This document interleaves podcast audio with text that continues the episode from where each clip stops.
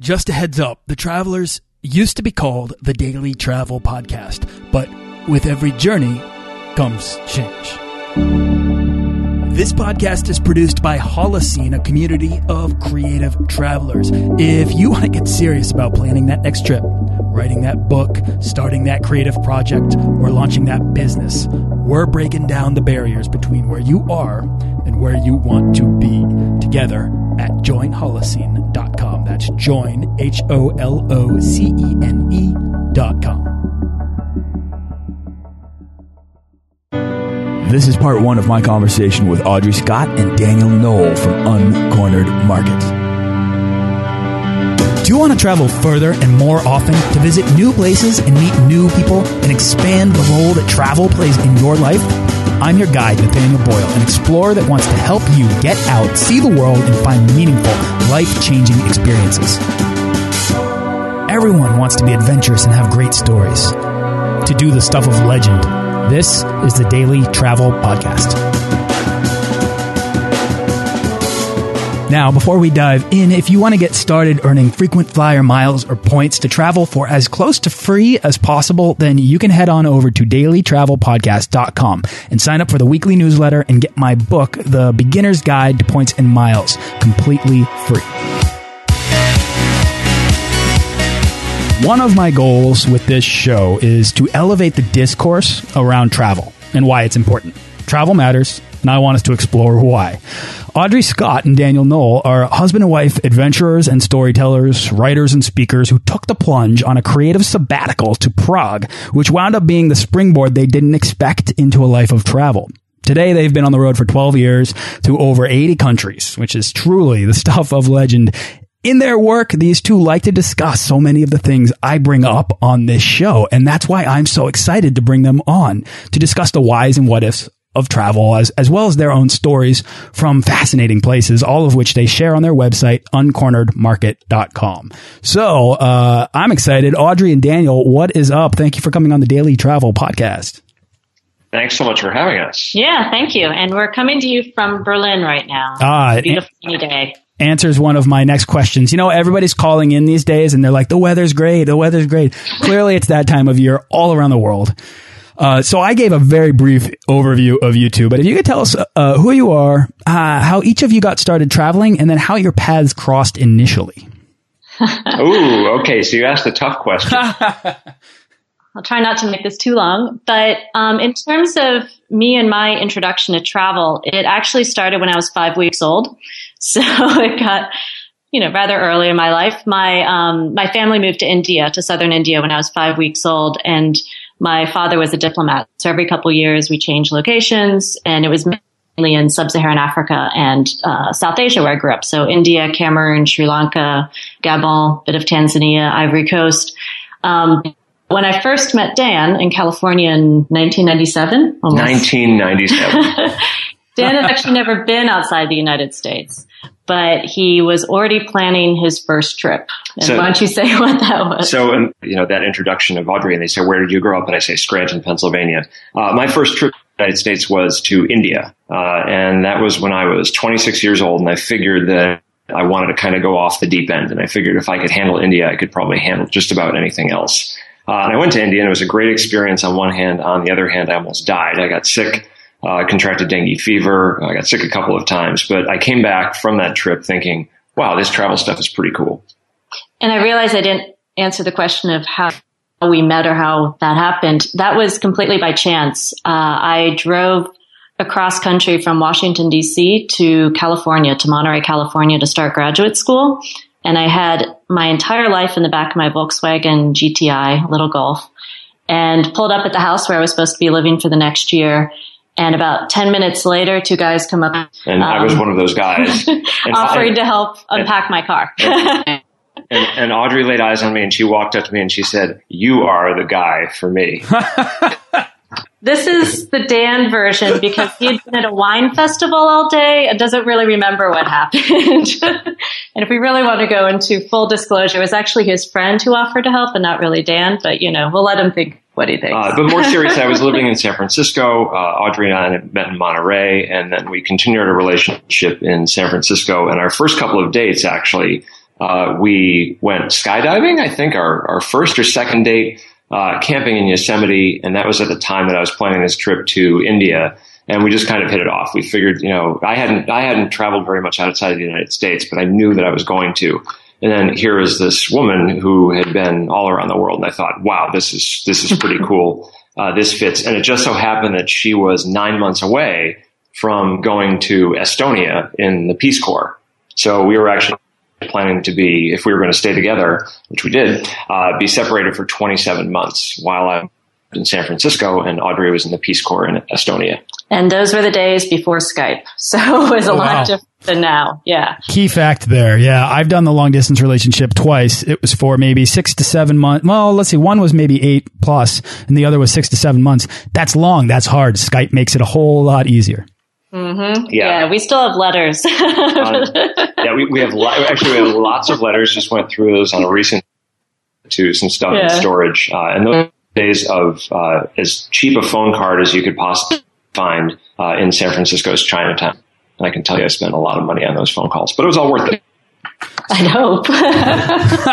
so this this is so important. You know, she was an explorer, lifelong sort of traveler, and you were hungry for it. And you guys meet, and then Daniel, you you know get started traveling immediately. Well, maybe not immediately, but relatively speaking, immediately contract dengue fever and have kind of maybe a truly challenging experience right out of the gates, which you can overcome. I know dengue fever can be a really difficult thing to deal with. Not only is it very unpleasant, but two, it can prevent you from traveling to other places that you know restrict you from going or can put you in danger from contracting it again. I believe. Uh, yes. So that's really that's a really tough way to get your start, and yet. And yet you said without hesitation that you came back and you were like, this is amazing. I can't wait to do it again. Life is full of bad results, but that doesn't mean we don't get back up on the bike and, and start again. And when I think of travel, travel is, you know, it's sort of a balance. There's really terrific things ha- that happen. And that's what we hear predominantly, you know, particularly uh, in our line of business. The reality is sometimes bad things happen too, but the good things outweigh the bad. And that's essentially the focus of our life. And that's the idea of going out there. Maybe you experience some things that are a little bit, you know, sort of offhand, not so positive, but overwhelmingly positive. And you say, I'm going to get back out there. I'm going to, you know, uh, explore my curiosity, uh, explore the rest of the world and see what I can find out. And, you know, I think even when we returned to San Francisco, uh, after backpacking through Europe, getting married in Italy along the way, uh, we had a, you know, a perfectly good situation in San Francisco, but Audrey and I knew that there was more to discover in the world. And that's why we sold everything in San Francisco and packed up six bags and ended up going to Prague, Czech Republic, in the dead of winter, even though our family and friends thought we were totally nuts. And frankly, even though uh, the people that we met in Czech Republic thought we were totally nuts, you know, they were they were saying, "Guys, you're coming from San Francisco, California. This is like the, one of the most beautiful places in the world. We all want to go there. Why are you leaving?" And the answer is because we know we have more to discover. We don't know what that is. You know, we don't know whether uh, you know some you know negative, untoward things are going to happen along the way, but we have to discover for ourselves. Well, and what we actually decided then is we figured, okay, well, if we can't make it work in in Prague, meaning we couldn't find jobs and and get settled, then we would just keep going further east. So the next steps were Belgrade or Kiev, but we ended up getting everything to work out in Prague, so we didn't end up taking that step at that point. But we knew that okay, even if things don't work out here, we know there's other ways that we can make either find jobs or find a way to make our life a little bit different and explore a little bit more. Yeah. See, guys, the best stories are, are the ones that we cannot plan for, right? They're the ones that happen yeah. to us unexpectedly. They, they challenge us to become the best version of ourselves. And that's where we find that we, we, we discover that feeling inside of ourselves that we just can't go back to being the people that we were before we left, right? Mm -hmm. And so once you yes. get, a, once yes. you get a taste of that, right, you can't not continue onward. You want more. And that's wanderlust, right? That's the travel bug. And Dan, it sounds like despite dengue fever, despite challenges, despite whatever, you had the right mindset, but even more so, your mind was conditioned by the experience to want more, you know? And I think that's such a cool, mm, I love, I just love to hear people come on and be like, you know, it didn't matter that I, that I, uh, had an unfortunate experience because their regret didn't even play into, into the decision to go to begin with. Well, the great, the irony in the world of travel about this for me was after I emerged from India, then I go to Europe And, you know, I wasn't even going to traditional destinations. I was in Estonia, Latvia, Lithuania, and Poland. I was thinking, wow, this is actually kind of like too easy. Compared to India. You know, comparatively speaking. Right. So I had to sort of make that adjustment back. I think, you know, um, achievement, you know, in life or travel or anything, achievement is not about the easy. Uh, you know, people say it's about putting yourself out there. And I think we're under the impression, and there's almost even kind of a certain level of entitlement that we can kind of short circuit our way towards significant emotional experiences. And the reality is we can't.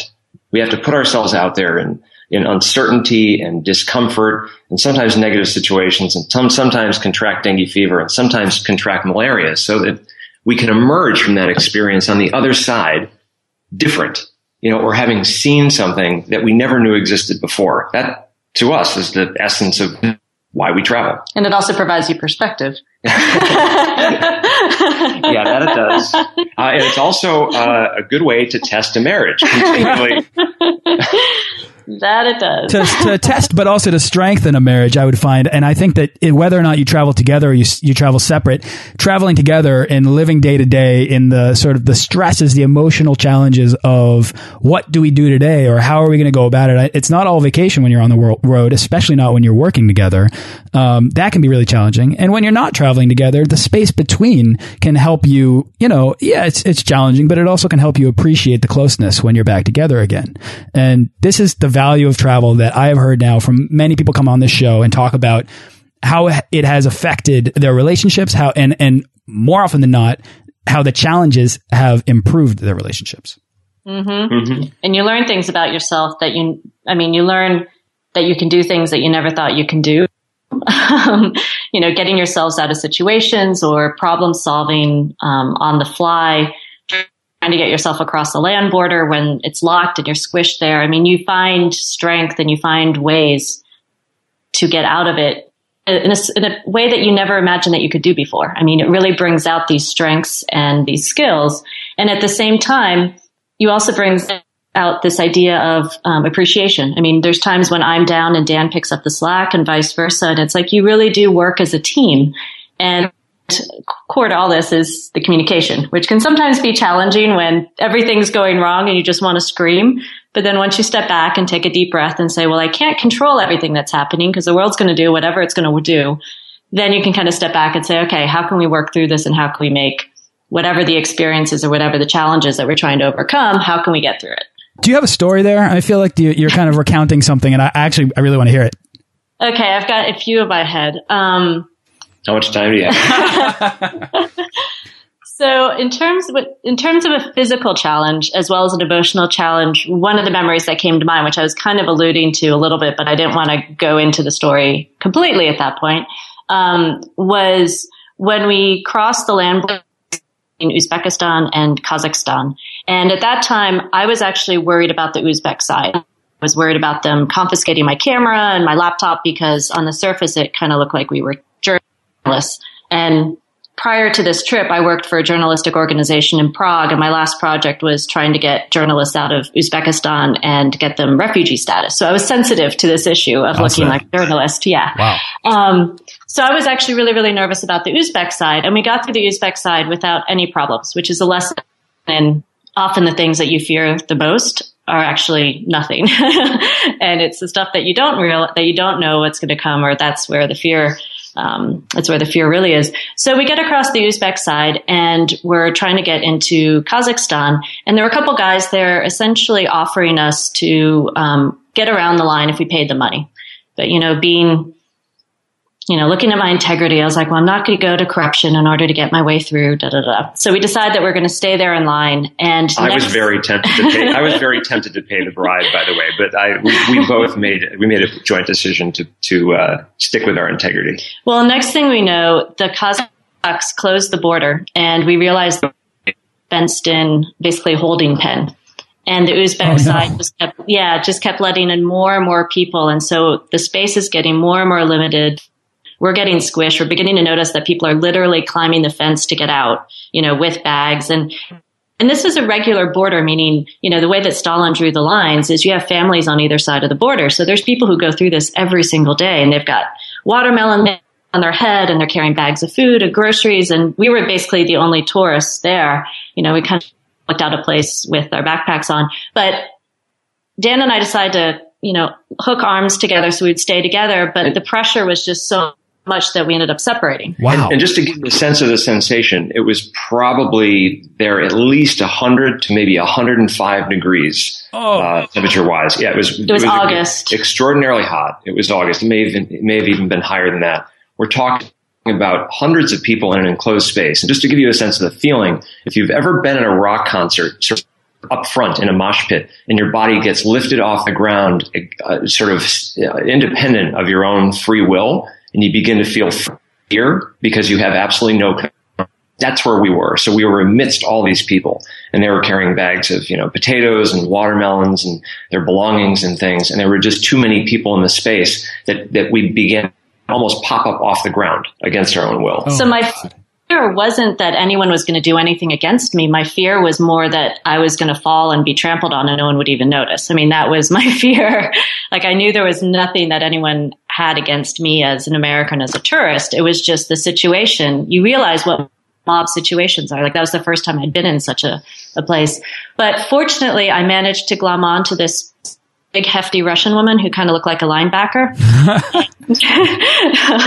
this is after I separated, I got separated from Dan and basically worked behind her to get all the way up to the front and managed to, um, show my passport to the Kazakh guy through the gate and my visa. And he eventually let me in. And the way he let me in is he literally opened the gate, let me in, and then put all of his might behind his, um, behind his feet and his legs. He, he kind of um, put himself against the door and literally had to close the gate with his, the strength of his legs because everyone was trying to rush in after me. Uh, meanwhile, meanwhile, I'm left behind probably, I don't know, 20 yards behind the, the sort of entryway to Kazakhstan. And I had to slowly worm my way up, uh, in, in the heat. And, uh, eventually, uh, this guy sort of reaches his hand out. I still couldn't reach it. Well, actually, what happened was, is I tried to implore. I tried to play the the role of the distressed wife, which I was at the time, but I was definitely playing up, you know, the distressed wife because we are in a more Smart. traditional country. Yeah, yeah, you know, traditional.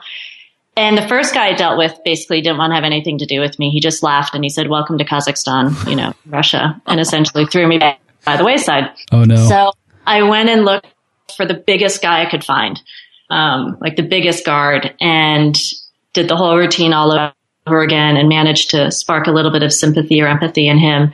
And then he came with me to the fence and, you know, said, well, who is he? And it was pretty obvious because Dan was a skinny white guy with a big backpack on in the middle of the crowd. You could, you could say I, I, looked a little out of place. Uh, to, make, to make, to make a long story short, I pushed my way through the crowd and the next thing I knew, I popped up over them and essentially crowd surfed into Kazakhstan with my big backpack on my back, small backpack on my front, and the guard literally pulled me into the country of Kazakhstan after all of that. And that was probably about a three and a half, yeah. four hour ordeal. Wow. Mm-hmm. In like 105 degree heat. Yeah. yeah. And, the, and, the, thing is, you just have no sense of A, whether you're going to get out and how long you're going to be there. And you've run, and we've run out of water and it's, it's, it, the, the sense of, uh, uncertainty and danger in a situation like that is really is really pretty tricky. Uh, and the sense of relief on the other side mm-hmm. when we finally arrived in Kazakhstan was something overwhelming. And I think it must have shown on our faces because people once we got through the the border um, area, we didn't have any water as we mentioned because we had used it all up in the process. People were giving us water. Um, we were trying to negotiate a, a taxi or a shared taxi to get to the next town and we didn't really have very much local money. We just exchanged our Uzbek money, and, and so we didn't have a lot of Kazakh money. And a guy essentially gave us really, we found out later on, a really big discount on the ride because he's like, you guys have had a really hard day today. I want you to have a good experience in Kazakhstan, so please come with me. so I, I love that the best stories almost always that, that that come out of these things. The best stories are always from the people you meet along the way, and the and the way we help each other out, right? And we, the way we can kind of help each other get uh get from point A to point B. Because uh, you know, I mean, yeah, you just went through this really tough experience, and you come out on the other side, and you can look back at that experience now, and you get to this point where you actually have this interaction with this really kind person, and kind mm -hmm. people are everywhere, right? But it's such a nice reminder that through all of that misery, you can come out and you can say, you know, look, this you know, people people are still great despite the challenges of border crossings. yeah. Yes. And and our I'll, I'll, make this really short, but our deal didn't end that night because we were trying to catch an overnight train to um, to Almaty that night, and it was completely booked. And we ended up having to find a hotel near the train station, and it turned out the only place that we could that had a bed was a brothel. So we ended up spending that night in a brothel um, at the train station. yeah, the, the, the, woman, the woman, in, the woman behind the counter uh, in Russian said to us, I'm so excited. You're my first all night client. and you're my first American. And you're my first Americans. what an honor. Yes, it right, was. Precisely. Yes. Guys, this is your legend. I love this. I love having people come on and tell these stories because these are the stories that you're going, that you, you are, you have now, you know, they've happened to you. You've carried them home and now you're sharing them with uh, other people for the rest of your lives. This is adventure, right? You can, you can now recount this somewhat awful experience as something life changing in a positive way, right? And you can't, I, I, have a couple takeaways here. You you can't plan for this experience, nor would you ever want to, um, right? But but the second thing is, but because you're you know exploring the world, because you're out there and you're kind of in that, you're in the mindset of an explorer. Your inhibitions are lowered, right? And this breaks down that hesitation to to make adventurous decisions. So you know, Audrey, you mentioned that you had this big kind of hesitation to even to even attempt to cross this border, and yet you went and did it. And yes, it was probably a hundred times more challenging than you even anticipated. But yeah. you know, for anyone listening that's wondering why anyone would ever want to wander off the beaten path, hearing stories like that, what did you guys pull out of this experience uh, that's been a kind of a, a life lesson for you? I think everything in life requires some level of situational creativity. uh, that's the first thing. And travel, I think, teaches us quite a lot of situational creativity, whether we like it or not. I think it also taught us that, to your point, we didn't sign up for this particular uh, this particular episode, but I think it was the concept that we signed up for, yes. and and and we kind of knew, like, all right, after the experience, we didn't sign for this particular thing, but these are the sorts of things that happen. In a way, we wouldn't have exchanged it. We don't like to put ourselves directly, uh, you know, in the crosshairs of danger. But at the same time, we do have to put ourselves in a position of discomfort, of uncertainty, of lack of context in order to unearth the situational creativity that we know we have inside of ourselves. And again, to come out the other side feeling like we're different people and that we can do this. I think that's the other thing is we realize, wow, we're actually stronger than we thought, mm-hmm. not just physically, but emotionally and not just individually, but together. Mm-hmm. And the other thing I would say is the way that I got through and Dan also got through was because of, it was because of people.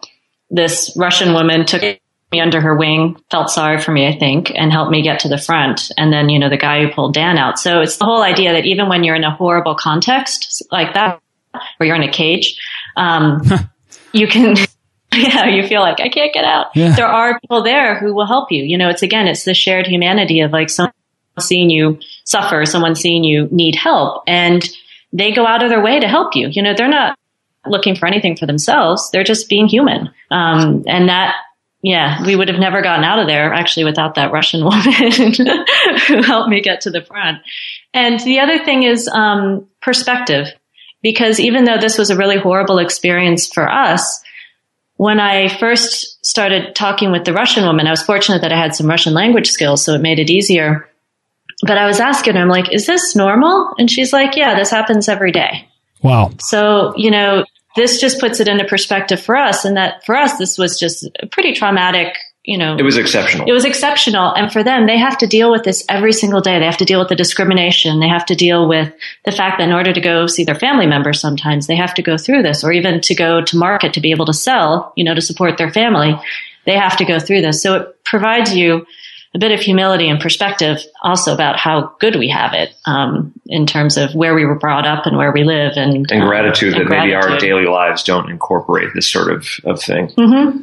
Yeah, that's, so, that's right. I mean, that, that sense of, um, there, but for fortune go I, right? You, you, you are faced with the awareness of your own station in life all the time when you travel to countries that not even not even this isn't this could happen in your own backyard I suppose but it, when you're when you when you travel to these places where people don't have the same opportunity, where where they might listen to this show and say, "Wow, all of these stories are amazing," but because of my currency or because of my economic situation or the, because of my nationality, I, I'm not afforded these opportunities.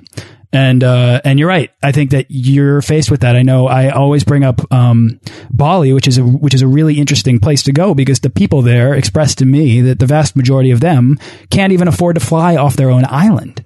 And mm -hmm. so, mm-hmm. you know, my initial impression was that these people are are bathing in the streets and they're so poor. And then I very quickly, within days, recognized my own naivete because these people were so they were so rich in happiness. And mm -hmm. you start to gain this perspective on not only how fortunate you are but you you begin to redefine fortune itself.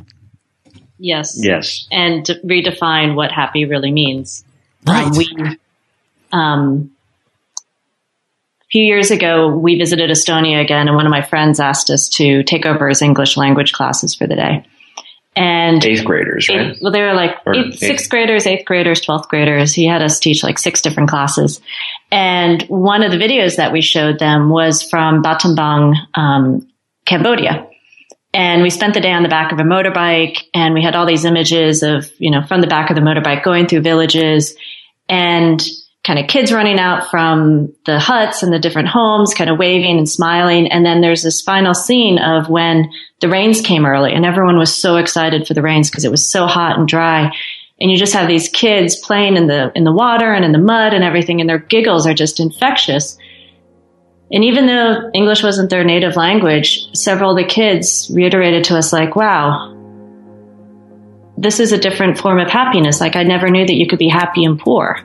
And it's again looking at the idea that money is not what buys you happiness. It's about what you have inside and it's about your emotions, your families, and so many other things about life that go beyond money that we often associate with it. So I kind of went off on a tangent there, but kind of connected to what you're mentioning with Bali. It's important. I mean, I think it's important. This, these are the things, these are the perspectives, what you're saying. That's the mindset that you get when you get out there and you explore new things and you start, you start to allow the world to sort of seep into your scrambled self, right? And, and change you, change your, change the way you see things, change the way you value things, change the way you make decisions about your life and about uh, the lives of other people. And uh, you know, these are these are the important changes that happen to you that travel can afford you. Travel it sort of dutifully ports your mind into these new states, and you know that's why it's such an effective medium for change. It, you know, it, but if you want the greatest effect, you need to let it happen to you. It's like you were saying, Daniel. You might not sign up for the episodes that you're that you find yourself in, but you're out consciously looking for this concept of adventure, right? And mm -hmm. you don't you can't you can't really plan for adventure you can stumble upon it or you can let it happen to you if you want to come home and have these truly, as I define them, life changing experiences. You've been listening to part one of an inspiring conversation with Daniel Noll and Audrey Scott from Uncornered Market. Tune in tomorrow for the next part of this conversation, and Daniel and Audrey will give us their best travel advice. Thanks for listening to this episode of the Daily Travel Podcast. For show notes and links to everything in this episode and more, head on over to dailytravelpodcast.com. Join our Facebook page of explorers and subscribe to our newsletter for the best deals and resources to help make your next trip life changing.